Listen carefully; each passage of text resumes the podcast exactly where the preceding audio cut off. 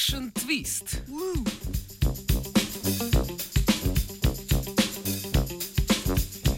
Ena lastnost, ki naravoslovno znanost ločuje od drugih znanstvenih praks, je možnost izolacije določenega fenomena od njegove okolice.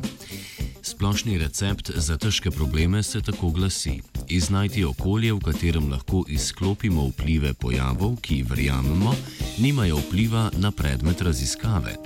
Šele na to fenomen teoretiziramo. Dva težka problema v fiziki kondenzirane snovi sta visokotemperaturna superprevodnost in ulomljeni kvantni holov pojav. Pri prvem gre za nenavadno lastnost nekaterih snovi, da brez upornosti začnejo prevajati pri relativno visokih temperaturah. Seveda visoke temperature v fizikalnem smislu, torej še vedno minus 100 in nekaj stopinj Celzija.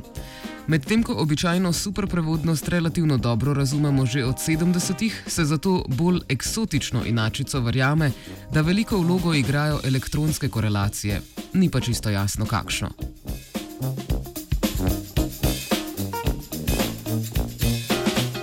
Te korelacije pa so prav tako pomembne pri ulomljenem kvantnem Hellovem pojavu, Holovem.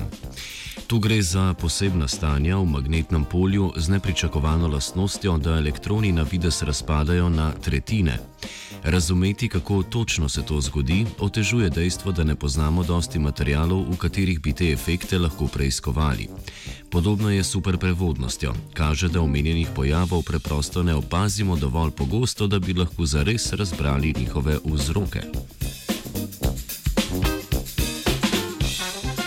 Na tej točki lahko končno preidemo k dobrim novicam iz MIT-ja, kjer je raziskovalna skupina razvila nov material za študijo koreliranih elektronov.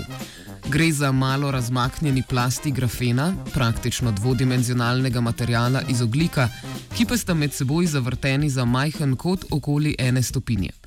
Pri tem magičnem kotu se zadnji zapolnjeni elektronski pas skoraj popolnoma splošči, za ploske pasove pa je značilen velik vpliv medelektronskega odboja in korelacij.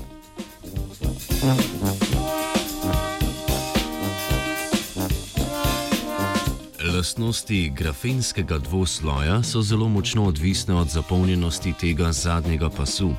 V relativno enostavnem eksperimentu je skupina v primeru polovične zapolnjenosti dokazala obstoj izolatorske faze, pri četrtinski pa superprevodno fazo.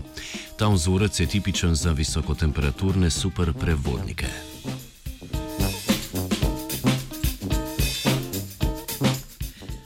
Po drugi strani so demonstrirali tudi, da je z električnim poljem v smeri pravokotno na dvosloj mogoče spremeniti tako imenovano Kernovo število elektronskega pasu. Pardon, Černovo število elektronskega pasu.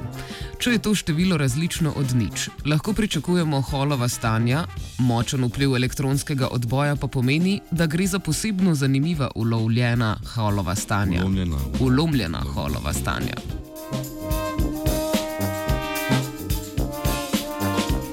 Če pozabimo na, na žargon, bistveno pri vsej stvari je to, da je snov odličen laboratorij za raziskovanje močno koleriran, kolerira, koreliranih elektronov v dveh dimenzijah. Ne samo, da znamo grafen dobro sintetizirati že nekaj časa, enostavnost metod za manipulacijo do sedaj zelo eksotičnih stanj obljublja veliko za razumevanje desetletja starih problemov.